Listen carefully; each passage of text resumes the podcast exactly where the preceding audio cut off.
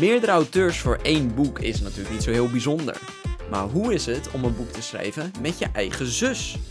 Leuk dat je luistert naar een nieuwe aflevering van Boekenrek, een HarperCollins podcast. Ik ben Sjors en in deze aflevering ga ik in gesprek met het Nederlandse auteursduo Victoria en Alexandra Nagelkerken. Onder de naam Eva Nagelkerken schrijven Alexandra en Victoria al jaren spannende thrillers. Maar waar komt hun liefde voor schrijven nou eigenlijk vandaan? En hoe is het om samen met je zus aan zo'n verhaal te werken? Vandaag verwelkom ik in de Boekenrek podcast niet één, maar twee van onze auteurs om te praten over hun nieuwe spannende thriller De Perfecte Engel. Dat zijn namelijk de zussen Victoria en Alexandra Nagelkerken, maar eigenlijk zoals jullie het als luisteraar misschien zullen kennen, Eva Nagelkerken. Welkom beiden. Ja, dankjewel. Ja, dank je. Hoe is het uh, met jullie?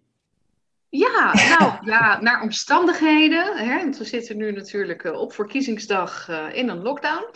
Maar naar omstandigheden gaat het goed. We hebben veel zin in het verschijnen van ons boek. de laatste, laatste puntjes op de i zijn gezet. En zij kan naar de drukker. Dat is altijd een mooi moment. Ja, dat, dat geloof ik. Dat is altijd wel het moment waar je natuurlijk naartoe leeft. Ja, zeker. Ja, ja. absoluut. Ja. Maar nee, wat ik net ook in de intro zei, uh, en dat is natuurlijk wat jullie ook uh, kenmerkt. Uh, jullie zijn zussen, maar jullie schrijven onder één naam. En jullie zijn Alexandra en Victoria, maar jullie schrijven onder Eva. Um, waar, Alexandra, waar komt dat uit voort? Ja, ja het, is, het is eigenlijk te simpel voor woorden. Het is Alexandra, daar neem je de A van. Victoria neem je de V van. En um, dan zeg je uh, Victoria en Alexander van het N, neem je ook nog de E. en als je dat dan door elkaar husselt, dan krijg je Eva.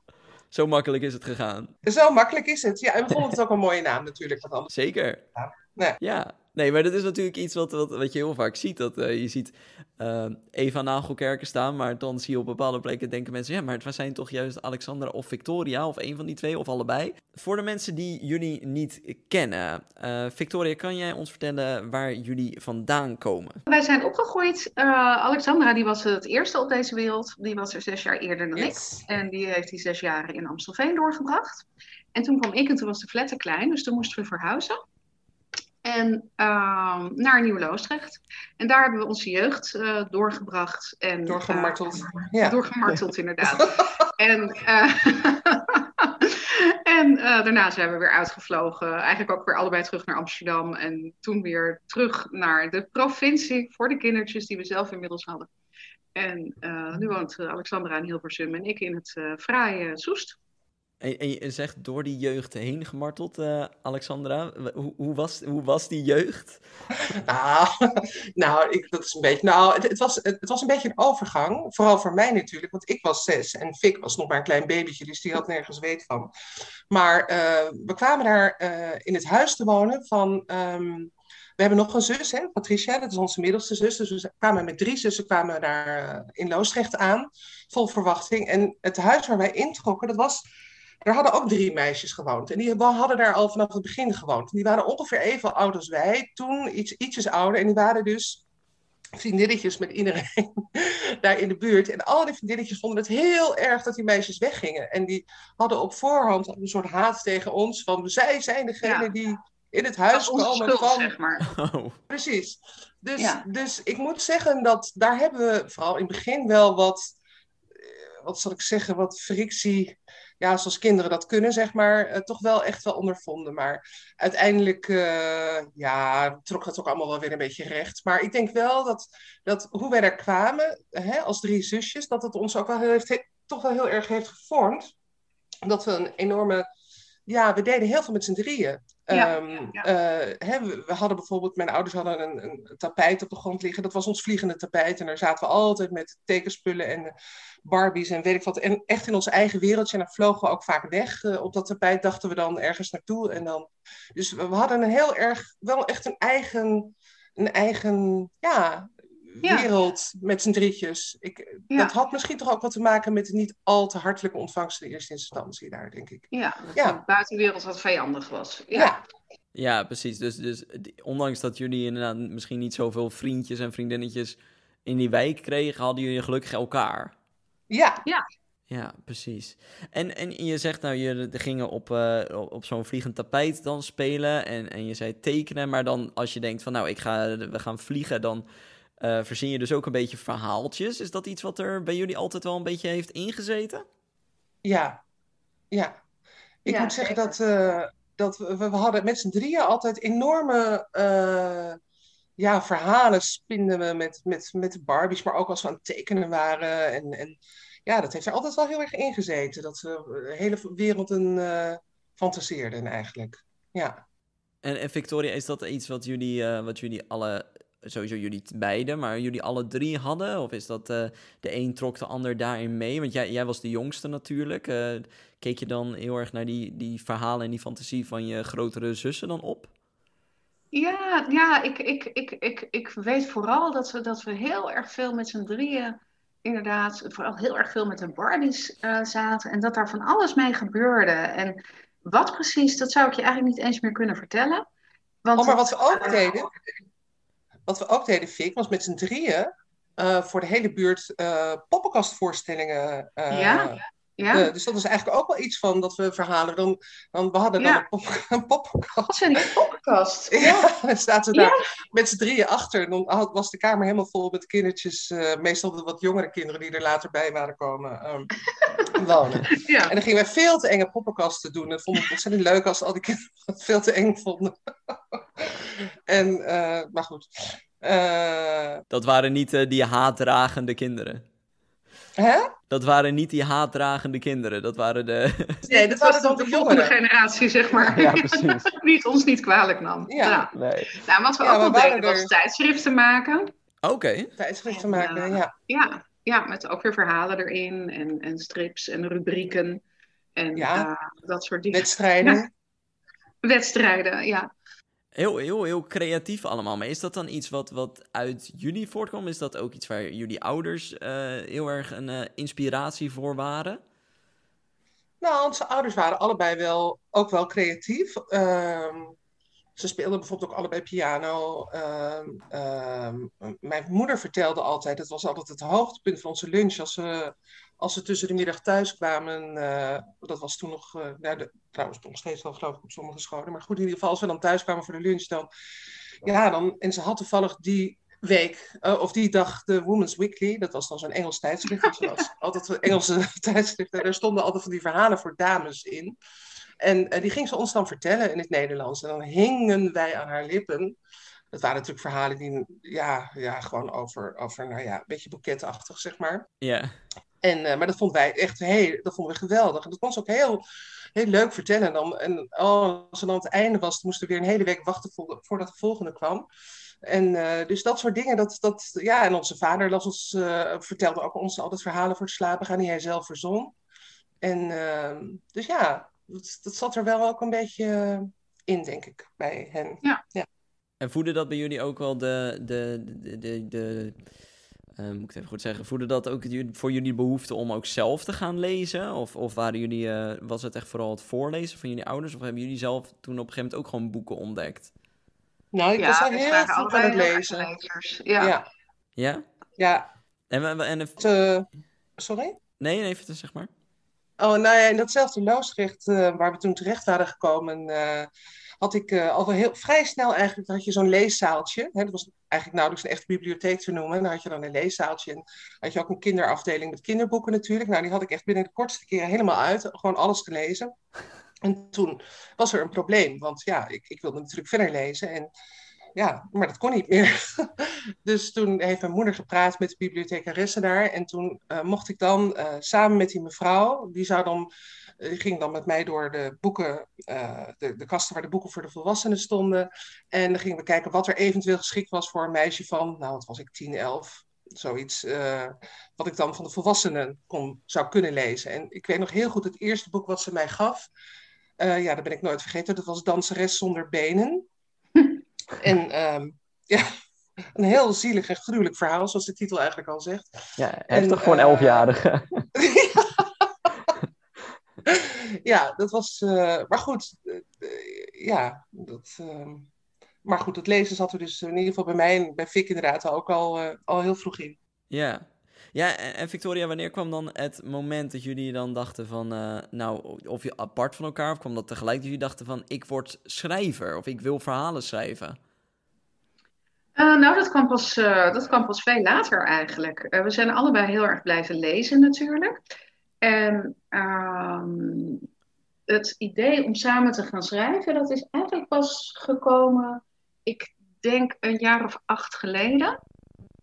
En uh, dat was eigenlijk een spontane, spontane ingeving. En toen we die eenmaal hadden bedacht, was het wel alsof er een soort ja, grote deur werd opengetrokken en, uh, waar we doorheen stapten. En uh, dat was echt heerlijk wat we toen ontdekten. Hoe fijn dat was om, om dat allemaal te bedenken en samen te schrijven. En daar ja, je heel erg in te ontwikkelen ook natuurlijk. En ja, dat was echt, echt een cadeau.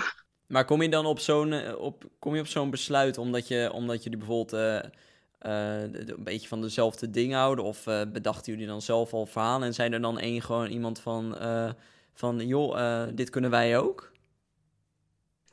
Um, nou, het was eigenlijk het was zo dat we allebei al wel een poosje, en daar hadden we het samen ook wel over, iets wilden doen.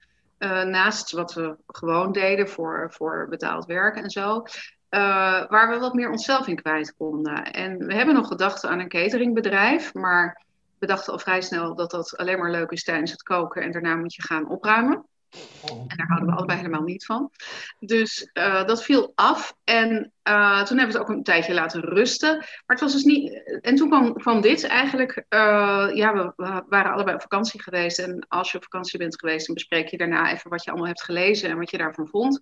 En toen dachten we ineens, maar wacht even, is het niet ontzettend leuk om dat gewoon zelf te gaan doen? Want we hadden een boek gelezen waar we allebei niet zo super enthousiast over waren.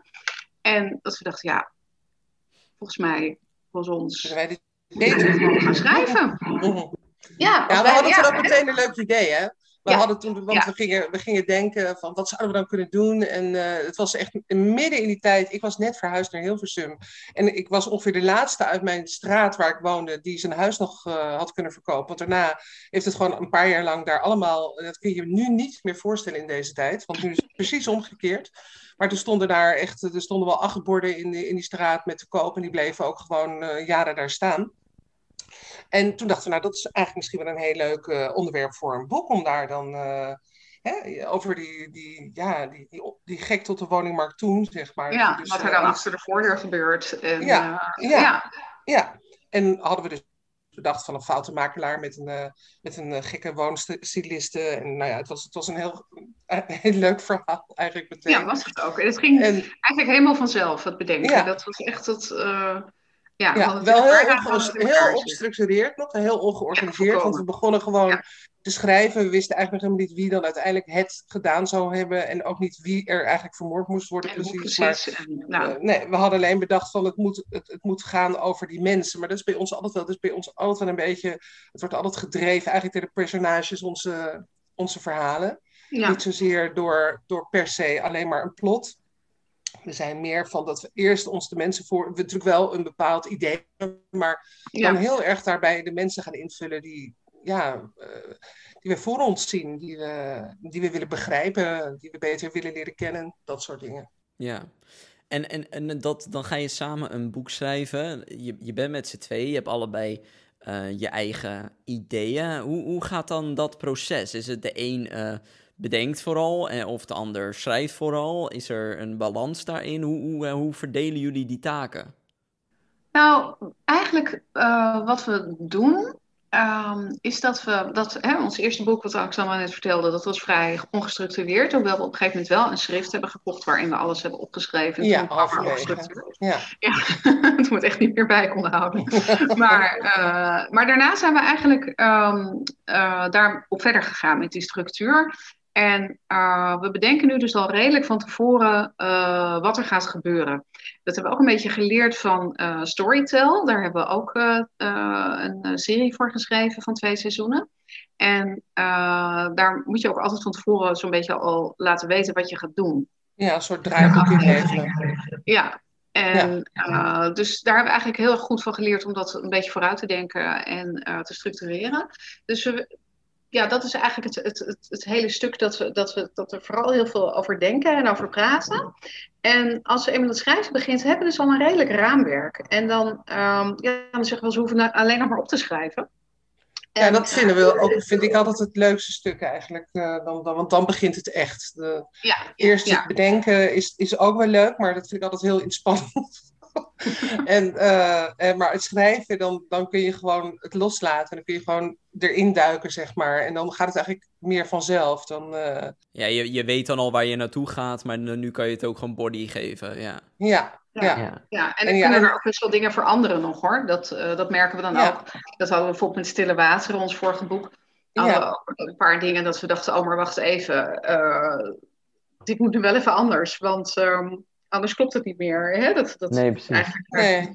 En daar, daar zijn we ook heel... Dat net iets anders hebben ingevuld op een gegeven moment. Nou. Precies. Maar goed, we zijn daar ook heel gelijkwaardig in. Als, als de een opeens zegt van... hé, hey, ik vind dit eigenlijk helemaal niet meer... We, moeten dit niet zo doen. Dan is het eigenlijk nooit zo dat de ander zegt... nee, ja, dat moet wel. We, we, we, we, we, we vloeien heel makkelijk met elkaar mee, zeg maar. Dat, ja. uh, dat gaat ook heel... Ik, ik vind dat althans heel gelijkwaardig qua qua, zowel qua inbreng eigenlijk als qua alles, ook wat er geschreven wordt. Uh, als de een zegt nee, dat moeten we niet zo doen, dan, dan wordt het ook weer heel makkelijk aangepast. En uh, in, in die zin, onze ego's zitten ons niet zo, niet zo erg in de weg, denk ik. Um, nee.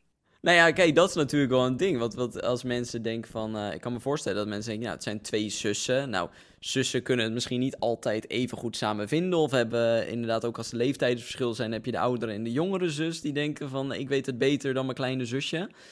Uh, dat zijn natuurlijk al dingen die, die, ja, die bij zussen spelen. Maar daar, lijken jullie dan, uh, daar hebben jullie wel een goede balans in gevonden. Absoluut. Het is wel zo dat, dat ik in het begin heel erg, toen we eraan begonnen, zei ik, maar dan wil ik achter de, achter de computer zitten, want ja, dan ben ik toch de oudste inderdaad. ik wil uiteindelijk wel bepalen wat er dan uiteindelijk komt te staan. Maar dat, dat eigenlijk, dan na het eerste boek hebben we dat eigenlijk ook wel gewoon, zijn we nu ook wel meer om en om. En we hebben natuurlijk wel allebei wat meer, de een is wat sterker hierin en de ander is wat sterker daarin. En, en Um, ja, uh, Fik is ontzettend goed altijd in het bewaken van, uh, van, de, van de rode draad, zeg maar. Dat is echt haar hele goede, sterke punt. En uh, ik wil er nog wel eens een beetje vanaf meanderen. maar ja, maar dat, ja, ik, ik vind toch, ik, ik heb wel echt het gevoel dat we het heel erg samen doen. Echt samen. Ja. Het is nog niet zo, zo geweest dat, dat er een moment kwam dat jullie het gewoon zo oneens waren met elkaar. Dat jullie dachten, joh, laat, laat, laat dit verhaal maar zitten.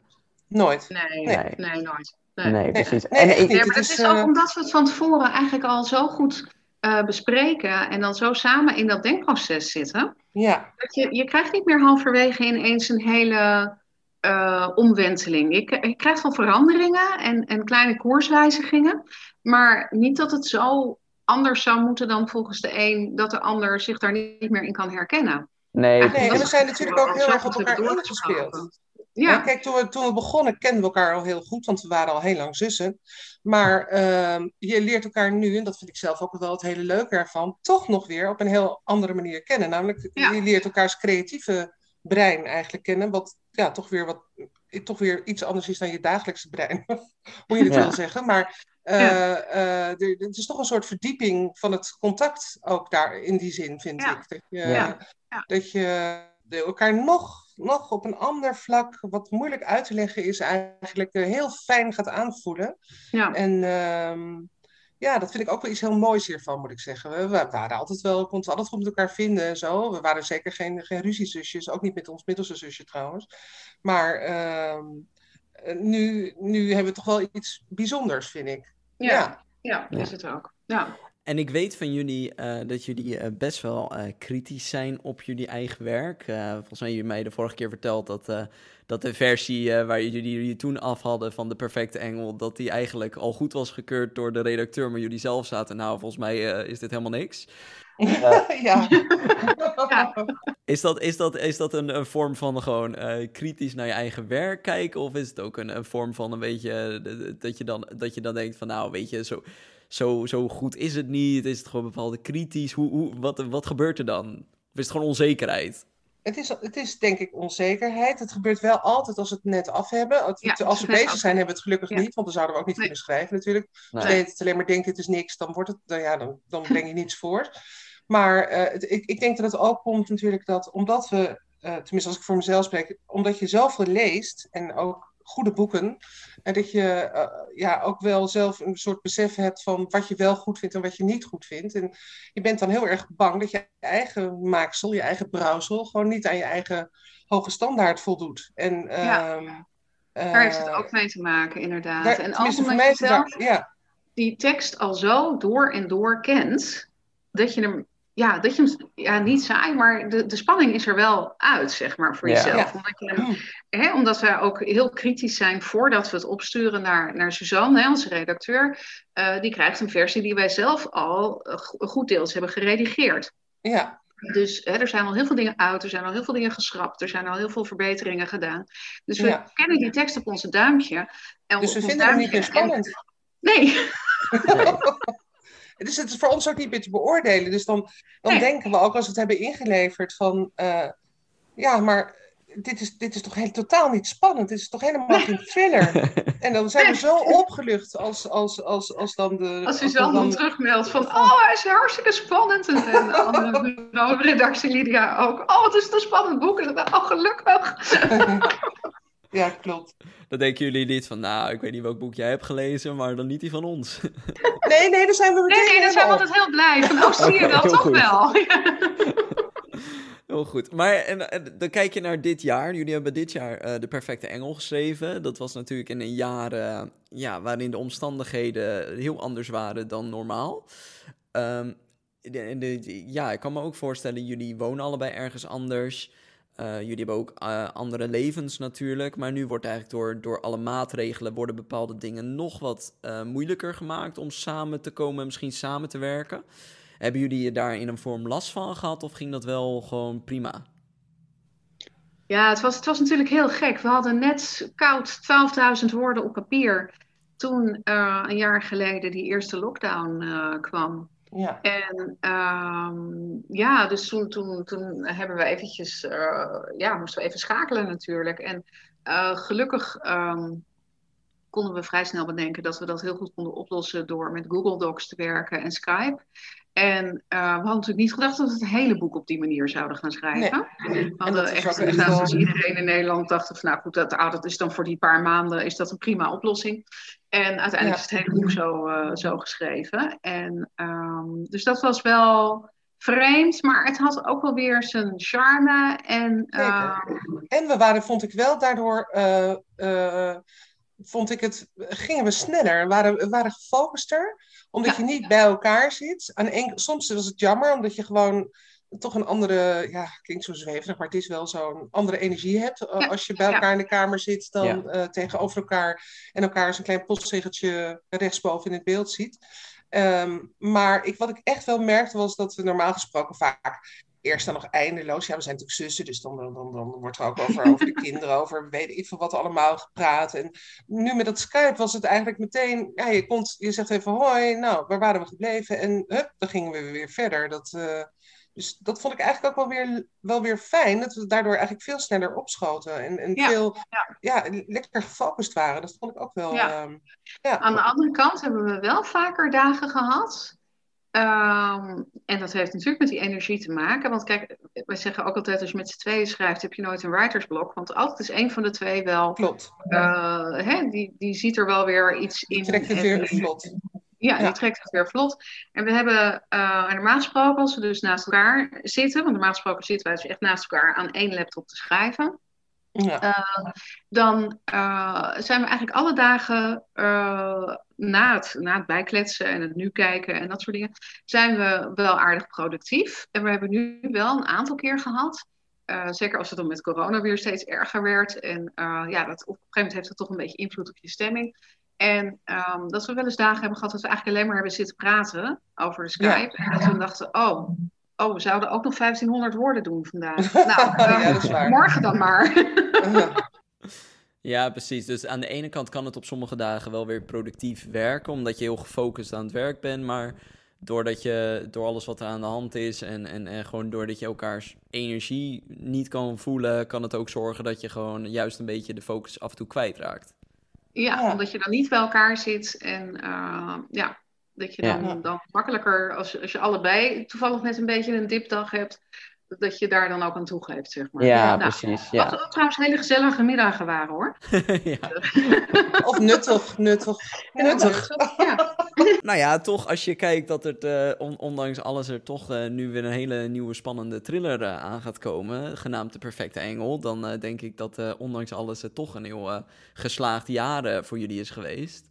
Ja. Ehm, en uh, ja, ik, ik, ik zeg tegen iedereen gewoon uh, die nu luistert, uh, ga, hem, ga hem halen, de perfecte engel, van dus Eva Nagelkerken.